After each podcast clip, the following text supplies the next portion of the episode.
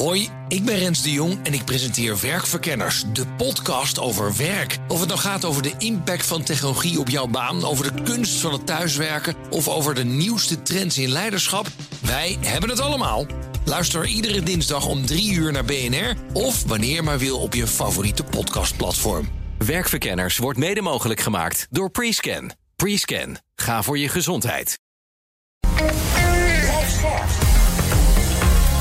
BNR Nieuwsradio. The Big Five.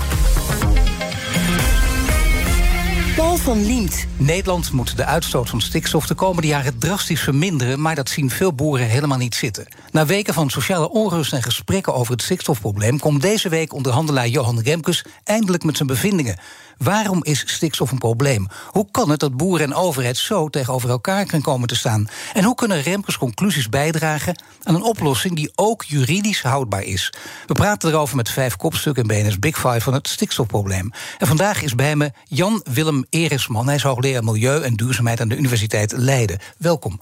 Goedemorgen. Ja, voordat ik het met u ga hebben over wat er op dit moment speelt in het stikstofdossier, wil ik eerst twee dingen van u weten. Allereerst, um, u zegt er moet door het kabinet nu doorgepakt worden op het stikstofdossier. Het geld is er, de mogelijkheden zijn er de tijd is heel erg rijp, bijna een understatement. En wat gebeurt er als er niet doorgepakt wordt?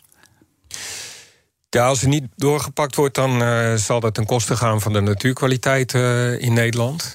Maar ik denk ook ten koste van de landbouw zelf. uh, dat geld wat ervoor is, sommigen vinden dat het voor opkoop is, anderen, ik denk eerder dat het voor de toekomstperspectief voor de landbouw is.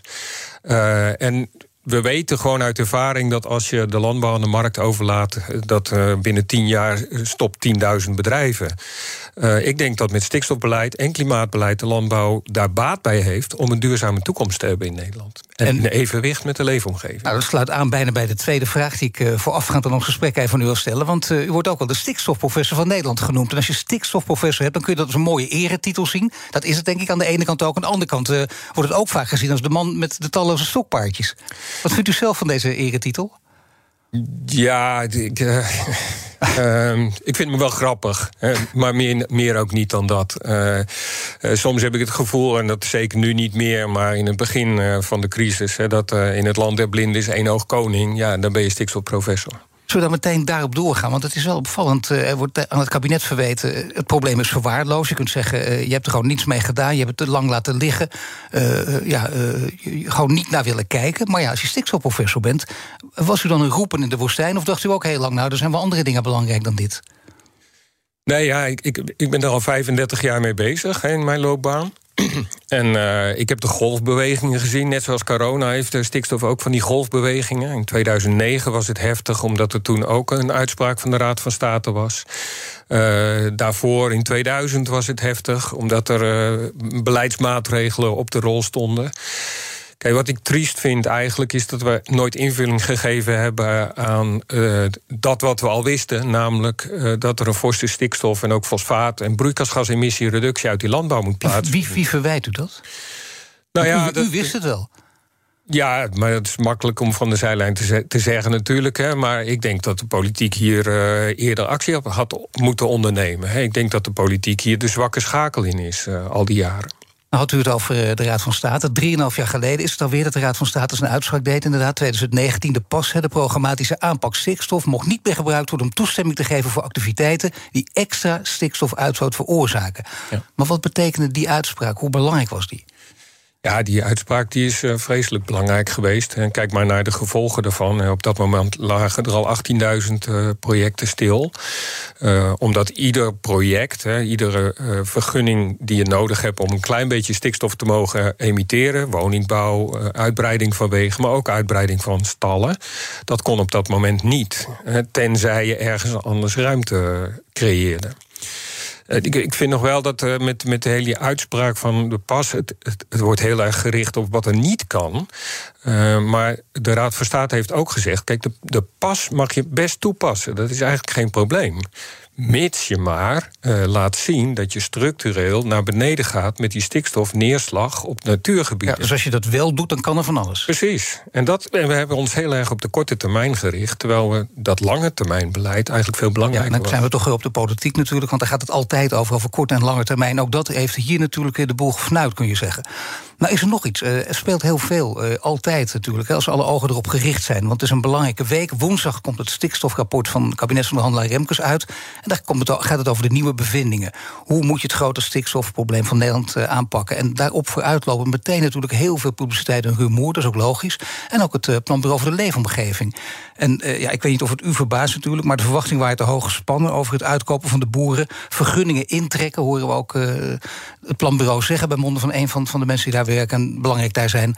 Maar u wist dat neem ik aan al heel lang, of niet?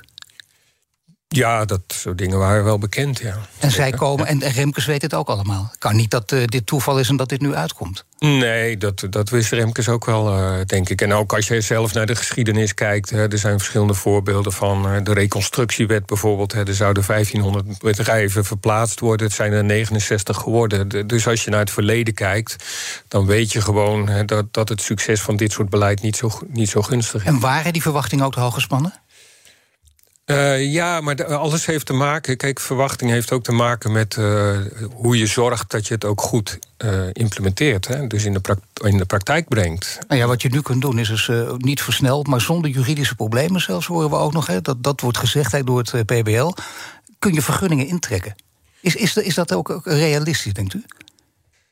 Uh, ja, dat is best realistisch. Alleen het is niet realistisch om dat als hoofdinstrument in te zetten op dit moment uh, om iets aan stikstof te doen en aan klimaat en water. Want dat zijn de drie doelstellingen die we hebben.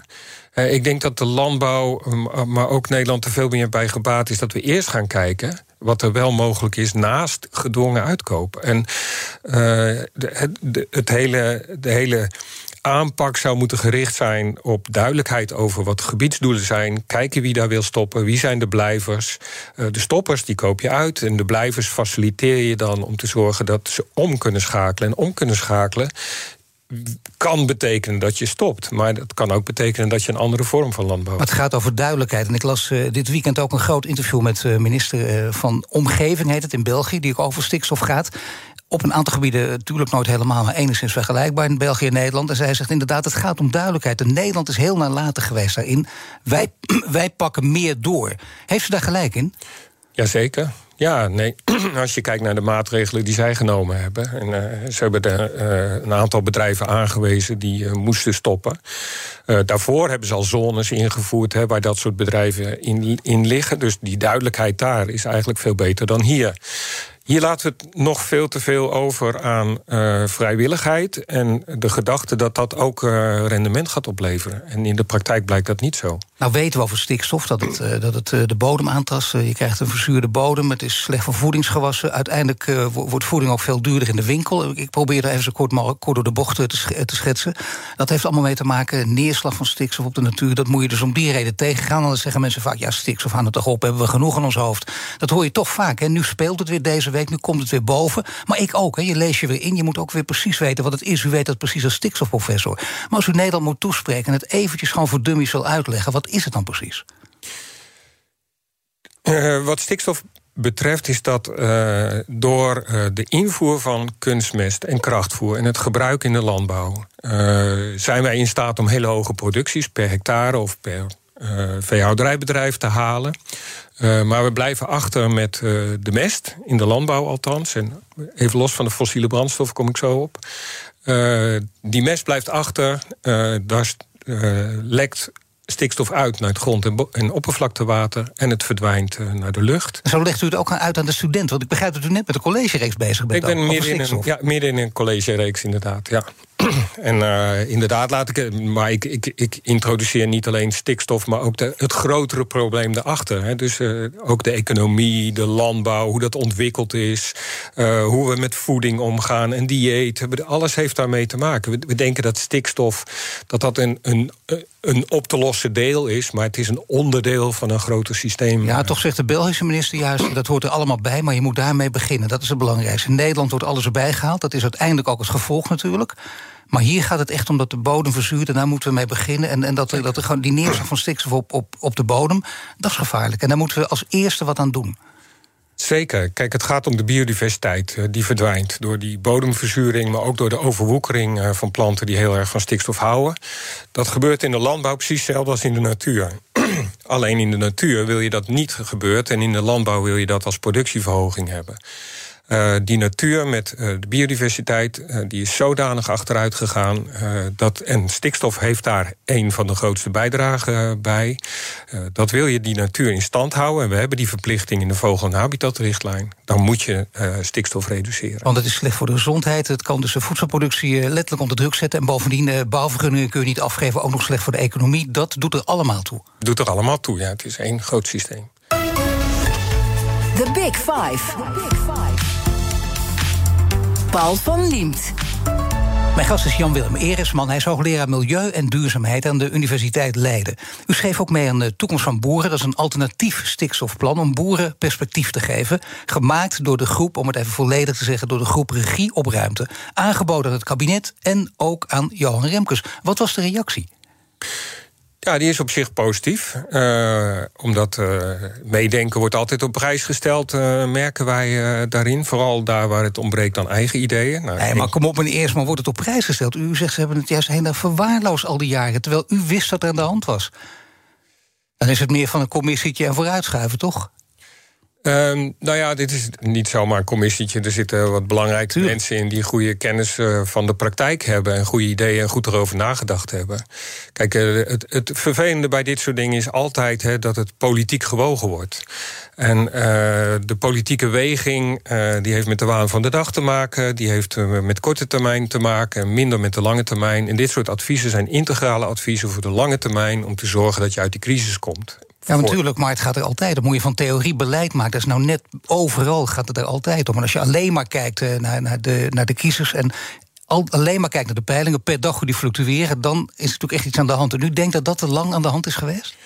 Ja, en dat geldt natuurlijk niet alleen voor het stikstofdossier. Dat geldt voor meerdere dossiers, hè, waarin uh, het korte termijn belang uh, uh, veel te veel doorgevoerd is en gewogen heeft. En ja, het gaat uiteindelijk om de lange termijn uh, implementatie van beleid. Maar ja, dan moet je dus hele harde keuzes maken. Bijvoorbeeld zeggen duurzame boeren, heel goed dat jullie doen... dat zouden meer boeren moeten doen, maar ja, ze verdienen vaak weinig. En dan zou de overheid iets kunnen doen... door bijvoorbeeld in te grijpen in de prijzen. Hoe zit dat precies? Nou, kijk, wij, wij leven in een, een, neoliberaal systeem waarin we een vrije markt hebben. En de vrije markt, uh, dat is een mooi principe daarin. En de vraag is of dat voor voedsel- en landbouwproducten of dat voldoende werkt. En een vrije markt betekent dat als je veel produceert en daar wordt op ingezet, dat de prijzen laag zijn. En dus de prijzen ook laag zijn voor de boeren. Wil je, duurzaming, wil je verduurzamen bij die boeren doorvoeren, dan betekent dat hogere kosten voor de boer. Heel veel boeren willen best verduurzamen. Alleen wie gaat die kosten dan betalen? Nou, als de markt hè, een wereldmarkt is waar de prijzen eigenlijk een beetje schommelen, maar zeker niet omhoog gaan, dan betekent dat dat daar waar je in het systeem komt waar de kosten omhoog gaan, maar de markt niet omhoog gaat, ja, dat je als de marge gewoon te beperkt wordt voor nou ja, voor consumenten is het ook een ramp om te horen dat biologische bloemkool of kip uh, dat ze die moeten gaan kopen en die zijn heel duur nog steeds. Dat is naar ja. verhouding, dus dat kun je ook niet veroorloven in tijden van inflatie en noem maar op de hele reeks. Ja, maar dat vind ik wel een interessant gegeven, want uh, kijk die die biologische prijzen in de supermarkt dat is niet zo dat dat voortkomt uit de werkelijke prijs die betaald wordt aan de boer. De supermarkt zet daar gewoon een marge op, omdat ze weten dat dit soort consumenten hogere prijzen betalen. Dus uh, biologische producten zouden best goedkoper kunnen zijn op het moment dat je alleen de werkelijke prijs uh, rekent. Maar hebt u dan hetzelfde als Johan Remkes, die echt zijn ergernis niet kon verhullen en dit weekend ook in een paar kranten zei, in, in, in interviews en auto-interviews opgehaald, dat hij zich vooral ontzettend ergert aan de supermarkten? Ik denk dat de rol van supermarkten, maar de hele ketenbedrijven rond die boer, dat dat sterk uh, onderschat wordt. En ook dus te weinig. Nee, maar de hele keten klinkt altijd heel, uh, laten ja. we zeggen, weer, weer heel vaag. En u heeft daar gelijk in natuurlijk. Iedereen doet mee, alle spelers, in dat nogmaals vreselijke woord, maar dat, dat kan misschien mm -hmm. niet anders. Maar de supermarkten zijn daar een hele belangrijke in. Remkes zegt dat niet voor niets. Dat, dat bedoel, je gebruikt die woorden niet voor niets. Ergernis, irritatie, tot een paar keer toe doet hij dat. Ja. Hebt u dat hetzelfde of zegt u nee hoor, dat is één van degenen in de, in de keten? Nou ja, ik ben niet zo van de ergernis en uh, irritatie. Ik ben meer, meer van uh, feitelijkheid bekijken. En, uh, ja, maar op basis afwegen. daarvan kun je toch ook denken... wacht even, juist op basis van feitelijkheid zie ik wat er gebeurt... en juist als je daar zo lang in zit, kun je af en toe eens een beetje ergeren. Tuurlijk. Maar kijk, die, die supermarkten. Uh, die, die nemen 25% van uh, de voedselproductie uit Nederland af en verkopen die. Dus die, die, hebben zeker een rol, maar gaat 75% gaat naar het buitenland. Daar moet je dus ook naar kijken, naar die voedselprijzen in de keten. Het is niet alleen de supermarkten. En ik denk dat die ketenpartijen, daar hadden we het net al over, maar de bank, die financiering doet, verzekeringen levert, de voerleverancier, de zaadleverancier, de afnemer van producten, de machinebouwer, de loonwerker, iedereen rond die boer heeft het verdienmodel dat als de boer meer produceert, zij meer verdienen. Dat betekent dat al deze partijen een belang hebben om die boer te laten groeien in zijn productie. Dat ligt niet alleen bij die boer, dat ligt juist bij deze partijen. En daar ligt dus ook een enorme weerstand om te zorgen dat je deze situatie doorbreekt. En daar komt veel ergernis vandaan, want boeren zeggen... aan alle kanten is het druk op ons uitgeoefend om meer te produceren. Daar hebben we ook op geïnvesteerd en we hebben geen duidelijkheid gekregen. En je zult inderdaad maar een investering plegen... die dan later waardeloos blijkt. Ja, dat klopt. En ik denk ook, die boeren zitten gewoon klem in dit systeem. Ik denk dat de boeren kan je ook weinig verwijten... omdat ze precies gedaan hebben wat ze moesten doen al die jaren. Af en toe met wat weerstand, maar ze hebben het wel gedaan. Uh, maar die ketenpartijen daaromheen, de politiek die daar ook uh, weinig maatregelen op inzet... en dat is denk ik de irritatie van Remkes ook uh, daarin. Ook het feit dat ze niet aan tafel komen om te praten over hun rol daarin... Ik denk dat de, uh, het hele systeem gebaat zou zijn als die partijen daaromheen een ander verdienmodel weten te creëren, andere markten weten te creëren, want zij creëren de markten voor duurzame producten zodanig dat die marge voor die boer vergroot wordt. Maar kijk naar alle spelers, en u zegt het al, inderdaad niet alleen de supermarkten, maar ook naar het buitenland kijken. Dat is nog veel belangrijker dan 75 procent. En de rol van de banken, met name dan de Rabobank. Want dat is natuurlijk de grote financier van de boeren. Ja. En uh, ook weer een, een afzetsinterview in NRC met, met uh, wie bedraaier. En die zegt er ook ruilverkaveling. Dat was dan een geweldige oplossing geweest. Wij zagen het ook allemaal niet aankomen. Is dat een beetje uh, toch je, je stoepje schoonvegen, of heeft hij daar wel degelijk gelijk in? Nou, wij zagen het niet aankomen, dat vind ik een beetje zwak. Uh, want ik weet wel zeker dat uh, iedereen dit aan zag komen... en zij het ook aan hebben zien komen. Uh, alleen zij hebben gezegd van ja, wij, wij doen niks... zolang de politiek ook niet beweegt daarin. En als er vanuit het beleid geen veranderingen komen... gaan wij ook gewoon door hierin. En iedereen is dan uiteindelijk wel gebaat bij. De, de, de hier uh, ja, heeft, heeft, zegt u, toch een verkeerde rol gespeeld. Hadden dat eerder kunnen zien. De politiek, het geldt voor de supermarkt. Nogmaals, stam toch maar even de hele keten.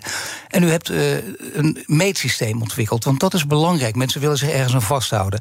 Even met een lelijk woord, de KPI's, de kritische prestatieindicatoren. Kunt u daar iets over vertellen? Want waarom is dat zo'n belangrijk systeem?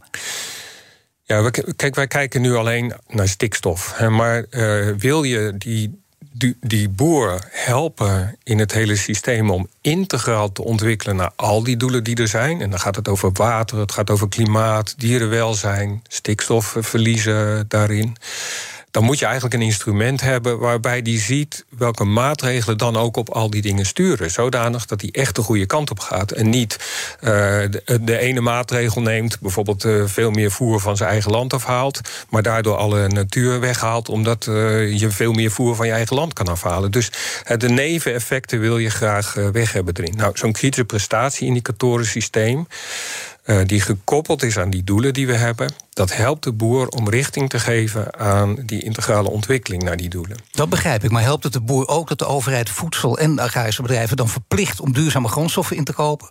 Juist in deze tijd, heel lastig. Dat betekent uh, dat je de rekening bij de boeren legt, zeggen veel boeren.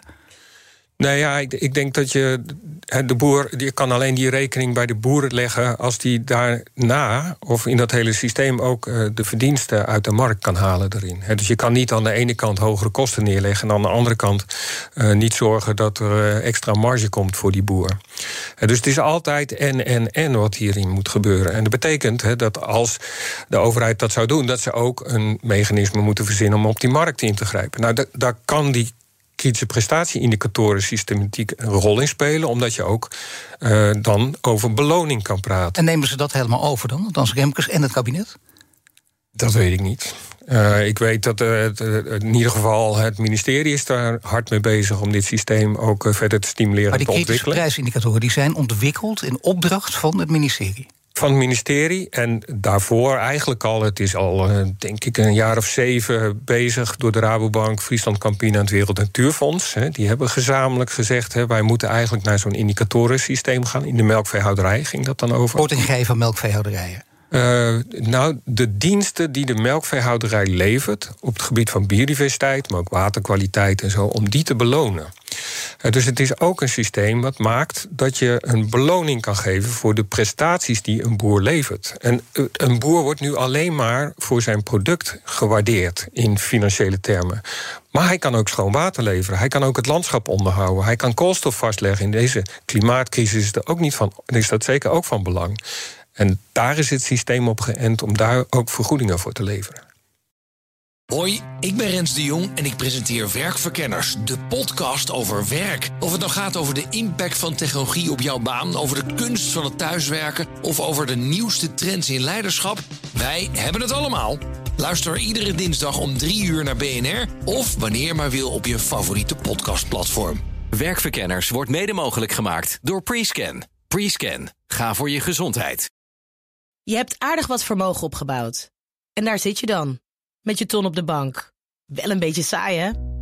Wil jij, als belegger, onderdeel zijn van het verleden of van de toekomst? Bridgefund is een slimme fintech die een brug slaat tussen de financiële behoeften van ondernemers en van beleggers.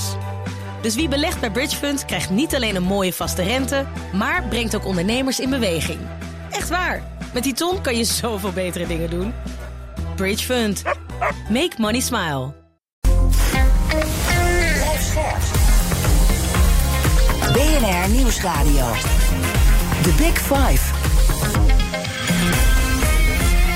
Van Liemt. Welkom bij het tweede half uur. Deze week vijf kopstukken uit de wereld van het stikstofprobleem. Vrijdag praat ik met Sjaak van der Tak. Hij is voorzitter van landbouworganisatie LTO. Uiteraard over het stikstofrapport van Johan Remkes... dat woensdag uitkomt. De gast is Jan-Willem Erisman, hoogleraar Milieu en Duurzaamheid... aan de Universiteit Leiden. Komend half uur wil ik in ieder geval nog twee onderwerpen met u bespreken. Namelijk, hoe heeft het zover kunnen komen met die stikstofuitstoot? Want daar kunnen we veel van leren. En ook over de duurzame landbouw op Schiermonnikoog. Ik ga met het laatste beginnen. Maar we hebben wel al gemerkt in het gesprek met u. U weet echt alles, hè? Stikstofprofessor, al heel lang mee bezig. Dat is handig, dus u weet natuurlijk ook gewoon, uh, laten we eerlijk zijn... Uh, wie die nieuwe minister van Landbouw wordt. Misschien handig om dat even te zeggen, zijn we daar vanaf? Nou, nee, dat weet ik niet. nee. Hebt u gevraagd? Nee, ik ben ook niet gevraagd. Nee. u toch nee. lid bent van de ChristenUnie, dacht ik. Of niet? Nee, ik ben nee, van geen enkele partij lid. Nee, nee. Nou, nee zie je heel verstandig. nou, u gaat uh, na dit gesprek gaat u met de boot naar Schiermonnikoog. Nou, ja. dat is een mooi tripje natuurlijk, even kop in de wind. Maar u gaat er naartoe voor een boekpresentatie. Wat gaat u daar dan precies doen? Ja, ik, de afgelopen acht jaar zijn wij op Schiermonnikoog bezig geweest met de boeren die daar zitten. Zeven melkveehouders in de polder. Naast een van de grootste natuurgebieden in Nederland. En die hadden in 2014 de opdracht gekregen van de provincie Friesland... om 20% extra stikstof te reduceren ten opzichte van de landelijke reductie de pas, de programmatische aanpak stikstof was het toen nog niet eens. Dus dat dateert al best ver terug. Uh, en in al die acht jaar zijn we daarmee bezig geweest hoe dat te doen. En we hebben daar de oplossing gevonden. En uh, ook uiteindelijk geïmplementeerd. Hè. Die boeren die hebben afgelopen december hebben ze 38% van hun vee weggedaan. Hè, dus verminderd. Uh, daardoor hebben ze niet 20% stikstof gereduceerd, maar 40% zeker. En ze zijn er allemaal nog. Hè, want... dat ja, ze zijn er allemaal nog. Dat betekent ze kunnen net het hoofd boven water houden. Of verdienen ze net zoveel als wanneer ze hier niet aan hadden meegedaan? Nou, het, wordt, het is nog even een beetje spannend over die markt. Hè, want zij, zij ontwikkelen eigen kaas, eigen zuivelproducten. En daar moet je toch een duurzame markt voor hebben. Nou, volgens mij is dat nu gelukt. Uh, maar dat heeft wel een aanlooptijd gehad. Was ook best wel spannend. Uh, en met die markt betekent ook dat ze extra inkomsten krijgen voor hun producten, direct ook naar de boer. En daarmee krijgen zijn zij uh, financieel, maar ook stabieler voor de langere termijn. Ja, dan zou je bijna kunnen zeggen dat is een voorbeeldgroep. Ja. U kent ze heel goed. Treed ja. naar buiten, juist in deze gepolariseerde tijden, waar ook uh, boeren onderling natuurlijk enorm verschillen. Ja, dat klopt. Overal waar ik dit verhaal vertel, vragen mensen... ja, maar waarom, waarom gaat dit niet naar buiten? Waarom wordt dat niet overgenomen? En, nou, precies. Dat is nou ja, ik, Wat ik, zegt u dan? Ja, nou, een, een, paar dingen. Hè. Uh, ja, het wordt soms geminimaliseerd. Hè. Dan zeggen mensen, ja, maar dat is Schiermonnikoog. Dat is makkelijk, hè. dat is toeristeneiland. Hè. Ik denk van niet, hè, want het is Nederland in het klein. Er speelt echt precies dezelfde problemen... als die in de rest van Nederland hebt. Belangrijker nog, denk ik, is dat de boeren zelf... Uh, heel terughoudend zijn om naar buiten te treden. Uh, en dat komt ook omdat ze ja, zij krijgen gewoon nare telefoontjes van uh, collega-boeren van de vaste wal. Uh, die zich afvragen in wat sterkere bewoorden. Waar zijn je mee bezig? Waarom, hoezo uh, Wat bewoorden kunnen we allemaal voorstellen... maar je wordt dan in ieder geval als de vijand gezien... als een verrader binnen de eigen groep ook een beetje. Verrader binnen de eigen groep, ja. het, het, uh, de, boeren zijn toch onderwezen en opgevoed met meer, meer, meer. Groei, ontwikkelen. Nou ja, omdat, ze zei u zelf ook, omdat ze voortdurend die druk... van alle spelers van buiten op zich zeker. hebben gehad. Ja, en dat, maar dat zit in het hele systeem. Hè? Dat zit ook in het onderwijssysteem. Dat zit ook in het, in, eigenlijk in het hele beleid... wat al die jaren is geweest. Dat is ook het tweede onderwerp waar we het over zouden hebben. Hoe is dit nou gekomen? Um, dus die druk is er altijd geweest om te groeien, groeien, meer, meer, meer. En meer is beter. En dan komt er hier een groep boeren en die laat zien dat je met minder eigenlijk meer gaat verdienen. En dat betekent, uh, dan, dan, dan kunt u ook een stokpaardje bereiden van, dat wil zeggen, niet alleen in theorie, maar ook in de praktijk. De stikstofkraan moet dicht. In zekere zin maken zij dat dan waar. Zeker, ja. Zij, zij doen dat dan door vee naar beneden te brengen. Maar we hebben tegelijkertijd ook gekeken van hoe kan je veel meer met de natuurboeren, hè, biodivers boeren zoals we dat noemen. Hoe kan je dan de polder anders inrichten? Daar zijn ze nu mee bezig. Zodanig dat je minder afhankelijk wordt van geïmporteerde kunstmest en krachtvoer. Nou ja, dan hebben deze boeren dus, laten zeggen, het zijn voorlopers in de, in de transitie. Maar uh, het is toch gek. Ik snap het wel. Natuurlijk snap ik dat iedereen begrijpt wat je bent. Iedereen kan, uh, als hij het zelf niet moet doen, makkelijk de held voor een ander spelen. Maar toch, je wil hier toch mee naar buiten treden. Ze zijn toch niet allemaal angst? Er zijn er toch wel een paar die denken: weet je wat, het kan me niks schelen. Ik ben helemaal geen verrader. Ik loop voorop en dat laat ik ook blijken. En anderen hebben er ook baat bij. Ja, nou, zo, dat laatste zien zij niet in ieder geval. Plus dat ze eigenlijk, ze hebben acht jaar zijn ze ook wel uh, nou ja, ze hebben best moeilijke tijd gehad. Maar het was een eensgezinde groep? Stonden ze allemaal meteen de nee, nee absoluut niet. Nee, absoluut. Maar dat, dat, dat werkt ook niet zo bij boeren. Hè. Boeren zijn eenlingen die eigen keuzes maken. Zelfs op zo'n eiland als Schiermonnikoog wisten ze weinig van elkaar over de bedrijfsvoering en over bedrijfsplannen en zo. En dat zie je overal eh, in Nederland. De, in de protesten zijn ze weliswaar solidair en naar een gemeenschappelijke vijand. Maar het zijn toch allemaal boeren die eigen beslissingen en terecht eigen beslissingen beslissingen willen maken. Maar ja, als ik u zo hoor, dan is dit inderdaad toch Nederland in het klein. Dus een diverse groep boeren, kun je zeggen. Zeker. Die toch uiteindelijk uh, tot gezamenlijkheid is gekomen. Ja, ja Beetje dat durf dat niet te zeggen, maar toch. Uh, dankzij Jan-Willem Eresman. Zou u zelf ook niet veel meer dan op de barricade moeten staan? Ik weet het wel, u bent wetenschapper, geen activist. Maar ja, als je 35 jaar hiermee bezig bent en je ziet waar de oplossingen liggen. Ja, dat vind ik wel een interessant onderwerp. Hè, want moet je nou, uh, wat, wat doe je nou als wetenschapper hierin?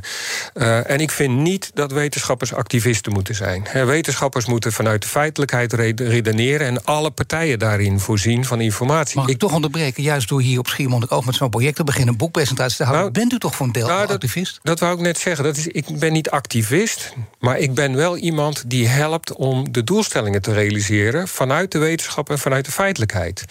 Ja, als ik activist zou zijn, dan zou ik voor, kiezen voor een bepaalde vorm van landbouw en dat daar uh, gaan promoten en implementeren. Ik heb dat juist vrijgelaten. Ik heb het aan de boeren gelaten. Ik heb gelaten aan wat hun voorkeur is daarin. Maar wel binnen de feitelijkheden en de doelstellingen die er lagen. En ik, en ik denk ook dat de wetenschap daar een nieuwe rol op zich moet nemen. We zijn sterk disciplinair gericht. We weten heel veel van details. Maar af en toe vergeten we een beetje ook om uh, die kennis uh, mee te helpen te gebruiken. Nou, in dit soort voorbeelden. Nou ja, en dan dus inderdaad de lessen van de transitie ook leren met dit soort voorbeelden. Binnen de feitelijkheden zie je dat ze toch tot elkaar komen. U zegt een klein Nederland.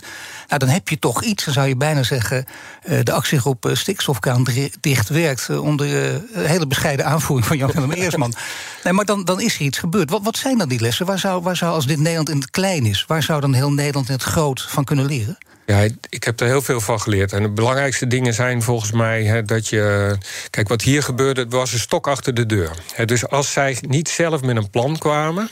waar ik, wat ik heel goed vond van de provincie, die heeft gezegd: van nou, kom zelf maar met een plan. Als dat niet zou lukken, dan zou er een boerderij opgekocht worden en 30 hectare grond. Hetzelfde wat er nu is. er is een uitkoopregeling. Dus je zou kunnen zeggen dat is de stok achter de deur als je binnen een uh, gebied niet met een eigen oplossing komt. Uh, het tweede belangrijke toch is hè, dat uiteindelijk moeten die boeren intrinsiek gemotiveerd zijn om te zorgen dat ze aan de slag gaan. Je maar intrinsiek, sorry dat het. Nee, dat is juist dat precies een mhm. heel belangrijk punt. En daar wil ik echt even over doorgaan. Want dat was niet zo. Dat zegt u ook in het begin. Ze waren niet intrinsiek gemotiveerd. Het was juist een divers gezelschap. En ze zijn blijkbaar. Er zaten boeren bij van, uh, van Farms Defence, volgens mij. Dus dan heb je toch een, een, ja, een, echt letterlijk uh, een groep die uit verschillende factoren bestaat. En toch, dan is het dus niet intrinsiek. Nee, de, kijk, de intrinsiek komt pas op het moment dat je ziet dat er een, uh, een andere toekomst gerealiseerd kan worden dan waar je nu steeds maar op, uh, op uit bent en aan het ontwikkelen bent.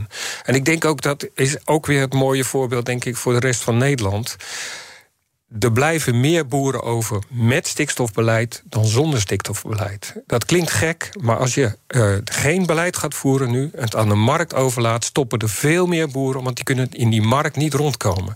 Met het stikstofbeleid is er een mogelijkheid om met heel veel geld toekomst voor boeren te zoeken. En dat is genoeg geld of moet er echt wat meer geld bij? Het is meer dan genoeg geld. En op Schiermonnikoog is er ook geld ingegaan van de provincie. Minder vergelijkbare bedragen. Maar ook daar is natuurlijk ingezet op uh, die transitie met financiering van buitenaf. En dat kan dus. En op het moment dat. Op Schiermonnikoog hebben die boeren gezien van ja, maar op dit kleine eiland zo heel intensief. En we kunnen eigenlijk alleen maar groeien op het moment dat we in, in, dat marktmodel willen overleven. Dus uiteindelijk hebben ze gezien dat ze wat moeten. En dan begint de zoektocht, wat dan? En we hebben ze meegenomen naar de vaste wal, naar voorbeeldboeren uh, die uh, heel duurzaam bezig zijn, het, het marktmodel hebben. Zuiver bijvoorbeeld is zo'n voorbeeld, uh, Klaas de Lange. Dus we zijn naar verschillende boeren gegaan om te kijken. We hebben adviseurs erbij gehaald, die gewoon dingen met hun doorgerekend hebben. Van stel dat je dit doet, wat zou dat betekenen? Nou, daar kwamen allemaal eigenlijk best wel positieve voorbeelden uit. Zelf wilden ze toen onderzoeken wat het zou zijn als ze allemaal biologisch zouden worden. Ondanks dat ze dat zelf nog nooit overwogen hadden. Nou, laten we dat doorrekenen. Vijf van de zeven boeren zouden daar financieel op vooruit gaan. En dan zou je 50% reduceren van stikstof. Nou, dat was nog een stap te ver. Misschien dat dat in de verre toekomst kan. Maar zo is de ontwikkeltocht gaande. En toen uiteindelijk hebben ze gekozen om een eigen zuivellijn uh, te creëren. Nou heeft Schiermonnikoog natuurlijk het voorbeeld hè, met toeristen en een uitstraling dat je daar een mooi merk van kan maken. En ik denk ook niet dat dat de oplossing voor ieder gebied is. Maar het proces, hè, met de boeren zelf beginnen, een stok achter de deur. En het verdienmodel stort niet in.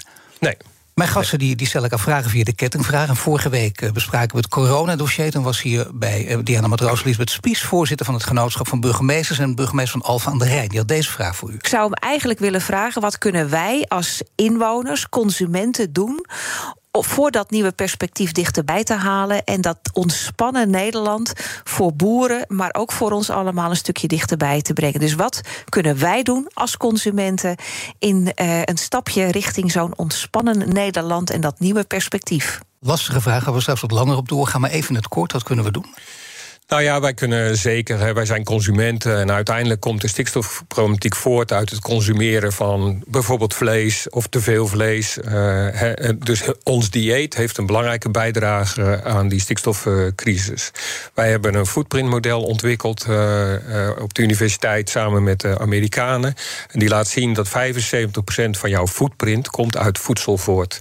Dus daar zit ook een mogelijkheid om zeker als consument wat aan te doen.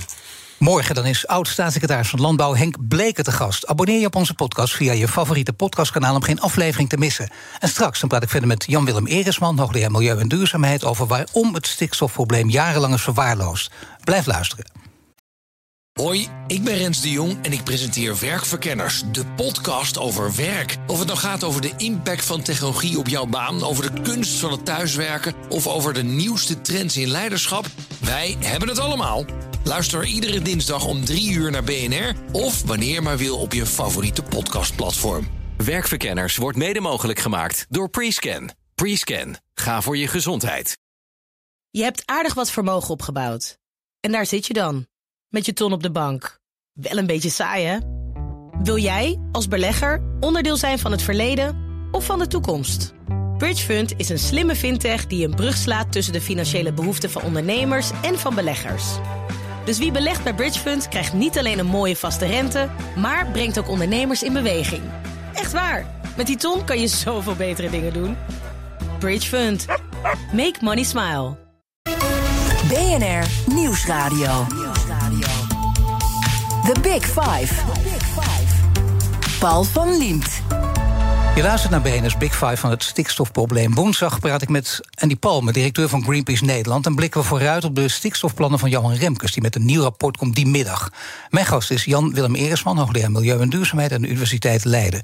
Ja, hoe heeft het zover kunnen komen in Nederland met die stikstofuitstoot? Een van de grote vragen waar je inderdaad hoe makkelijk... een hele college, collegereeks alleen aan kunt wijden. Maar waarom is er niet veel eerder aan de, aan de rem getrokken? Met andere woorden, waarom is dat probleem zo sterk verwaarloosd? Nou, wat, wat, wat de basis volgens mij daarvan is, is al uh, dat wij al twee eeuwen lang het uh, handelsbeleid uh, sterk stimuleren vanuit de e overheid en dus de export vanwege economieontwikkeling. En dat hebben we zeker gestart in de landbouw. dus we moeten af van die exportstimulans. maar ja, dan moet je kijken wat voor gevolgen dat heeft gehad. Hè. Dus de hele kennisinfrastructuur die heeft daarvan geprofiteerd in Nederland. Wageningen Universiteit is allemaal gericht op meer productie, meer productie voor de export. Uh, Sico Mansholt na de Tweede Wereldoorlog heeft, dat is lang nog, geleden. heeft er nog een schep, schepje bovenop gedaan. Hè. Die heeft gezegd nooit meer een hongerwinter, terecht. Uh, waardoor er een hele stimulans heeft plaatsgevonden in de modernisering van de landbouw, schaalvergroting, intensivering, dus meer per hectare produceren, zodanig dat er genoeg voedsel is met lage kosten voor de consument. En goed, nou, we zijn de grootste landbouwexporteur na de Verenigde Staten, als klein landje natuurlijk ook. Ik bedoel, heeft ons ook natuurlijk heel veel voordelen gebracht. Maar op welke plek zou reëel zijn? Want dit heeft inderdaad met groei te maken, waar u het zojuist over had. U vindt dat die groei die kan niet onverminderd doorgaan, ook op dit gebied niet. En ik noem maar even uit de losse pols, maar plek 10 is ook mooi. Nou, ik, ik zou zeggen, uh, laten we zorgen dat we binnen die kwaliteit van de leefomgeving gaan produceren. En welke plaats we dan op uitkomen, maar ja, dan komen we ergens op een plaats uit. Maar ja, we moeten wel weten waar we nu staan. En dan worden er mensen die heel kritisch zijn. In feite bent u dat ook. Dan worden we de paria binnen Europa genoemd. Uh, vindt u dat te grote woord of niet? Ja, dat vind ik. Als het over de stikstofreductie gaat. Ja, niet iedereen heeft diezelfde situatie in Europa zoals wij dat hebben.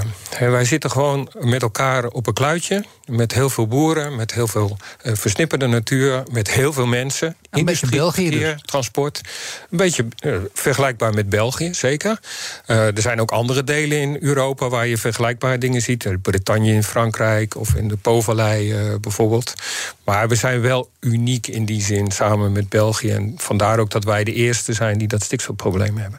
Ja, maar we hebben ook dus heel lang weggekeken. Dat is nu duidelijk, dat is niet verstandig geweest. We gaan nu richting oplossing natuurlijk, want uh, dan moeten we wel weten of de wetenschap serieus wordt genomen. Is dat gedaan tot nu toe? Is de wetenschap voldoende serieus genomen? Nou, als de wetenschap echt serieus genomen was, dan, uh, dan hadden we niet in de situatie gezeten zoals we nu zitten, denk ik. Er zijn ook vanuit de wetenschap voldoende uh, waarschuwingen geweest dat de pas niet zou werken, dat er onvoldoende beleid wordt ge ge genomen om die natuurdoelen te halen en de natuurkwaliteit te garanderen. Uh, dus als de wetenschap echt serieus was genomen. Uh, dan hadden we nu niet in deze situatie gezeten. Maar is dat niet vervelend als juist uh, dat u dat moet zeggen als stikstofprofessor? Want dan denk je, ja, hoe is het dan gesteld met de wetenschappelijke lobby in Den Haag? Ja, ik denk dat de wetenschap heeft weinig lobby uh, in Den Haag. Uh, en ik, vraag me af of dat ook goed is, hè, maar ik denk wel. Uh, en daar ja, daar vind ik wel dat we over na moeten denken. Hoe, hoe, kan de rol van de wetenschap hier wel wat sterker in zijn? Ik heb, ik, vorige week zei ik uh, ook, uh, was ik bij het ministerie, zei ik van. Wat zou een Kamerdebat toch eigenlijk mee geholpen zijn als daar een wetenschapper zit die aan fact-checking doet? He, een, een positie van de wetenschap. Goeie vraag, ja. Die Kamerdebatten zouden veel korter duren, denk ik. ja. Want je zou het over veel minder dingen uh, kunnen hebben. Uh, en dan je gaat gewoon naast zijn voorzitter zitten? Bijvoorbeeld, ja. En die wordt gewoon geraadpleegd op het moment dat iemand denkt van... klopt dit nou of klopt dit niet? Uh, en dat lijkt me een goede zaak. Want he, dan, dan heb je een rol van de wetenschap, de feitelijkheden. Het gaat uiteindelijk om de feitelijkheden. Nou ja, tuurlijk. Maar dan die feitelijkheden kunnen toch... die hebben uiteindelijk ook met waarde te maken. Dan heb je de feitelijkheden en dan is is het ook, heeft te maken met hoe je in het leven staat. En u zegt minder groei is een ander die zegt... nou, je moet juist meer groeien. Ja, maar dat, dat is een politieke afweging. De, de, de politiek weegt die waarde af. Maar doe dat dan wel op basis van de feiten die er liggen. En dan, dan schat je die ook op waarde in... en dan kan je die ook uh, meenemen in je afweging. Is dat minder en meer groei niet een cruciaal punt? Het zit wel in onze breinen verankerd natuurlijk. Zeggen ook heel veel wetenschappers die andere wetenschappenbedrijven... ik noem maar wat, bijvoorbeeld de cognitieve neurologen. Mhm. En ik, als ik kijk naar uw eigen cv... dan bent u toch ook iemand die meer, meer, meer... op een hele, hele goede manier... bent een ouderwetse stapelaar bijna... dus in het onderwijs ook opgeklommen. Steeds hoger, hoger. U wilde ook steeds meer bereiken. Heeft een hele mooie positie bekleed, uh, weten te bekleden. Maar dat betekent, en die bekleedt u nog steeds... maar dat betekent dus wel dat u ook zo toch in het leven staat? Ja, maar de, uh, op een gegeven moment uh, merk je dat en ben, je, ben, je, daar niet van bewust. Hè? Op een gegeven moment word je daar bewust van. en dan ga je dat, daar anders naar kijken. En je zou graag willen. het zit zo verborgen in ons systeem. Je zou graag willen dat het expliciet is, dat je daar expliciete keuzes in maakt en kan maken ook. Maar ook gericht op die uh, hoeveelheid van andere waarden die er ook zijn. Uh, en ik denk dat wij bijvoorbeeld biodiversiteit, groen, natuur zwaar onderschatten. Uh, wij zijn als, als mens onderdeel. Zou je dat dan ook niet daarvan. economisch moeten, in, een economische termen definitie moeten geven? Want dat werkt natuurlijk. Money speaks louder than words. zoals dat je dat in het, de BNP gewoon bedrukt. Tuurlijk, en ik denk ook, dat probeer ik ook steeds om vanuit te gaan van uh, de systemen die je hebt. Dus als wij niet afstappen van een economisch systeem die met geld te maken heeft, prima, maar dan moeten we dat ook goed inzetten. En dat betekent dat je bijvoorbeeld uh, niet duurzame producten duurder moet maken, dat je milieukosten moet internaliseren. En misschien ook dat je aan de andere kant waarde moet gaan toedelen, inderdaad, aan die biodiversiteit. En de mensen die daarvoor zorgen, boeren bijvoorbeeld, daar dan ook voor belonen als ze daar stappen in maken. U pakt alle kanten mee, u bekijkt echt alle kanten natuurlijk, maar wel een duidelijke opinie komt eruit naar voren ook. Hebt u ooit op een groot podium gestaan met veel woedende boeren voor uw neus? Uh, ja, ik heb wel op podia met boeren gestaan. En u bent niet weggejouwd? Uh, nee. En ook niet meer op de tomaten bekogeld en zo? Dat is allemaal dat is wel meegevallen? Dat heb ik nog niet meegemaakt. Maar hoe komt dat? Dan hebt u misschien wel de juiste toon te pakken. Nou ja, misschien omdat ik me bij de feitelijkheid hou. Ook af en toe opkomen voor de boeren. Ik zie hun positie. Ik denk ook dat zij uh, daar een onmogelijke positie nu in hebben. En dus ook uh, te veel naar hun toegeschoven wordt. Nou ja, genuanceerd. Mijn gasten stel ik aan vragen via de kettingvragen. Nu mag een korte, bondige vraag stellen aan de volgende gast. Dat is oud-staatssecretaris van Landbouw Henk Bleker. Wat zou u aan hem willen vragen? Nou ja, wat ik interessant vond uh, op de weg hier naartoe... Het, het Financieel Dagblad laat zien dat er 28 miljard euro nu aan schade is... Hè, de afgelopen drie jaar vanwege de stikstofcrisis. De landbouw zit daar maar voor 1 miljard in.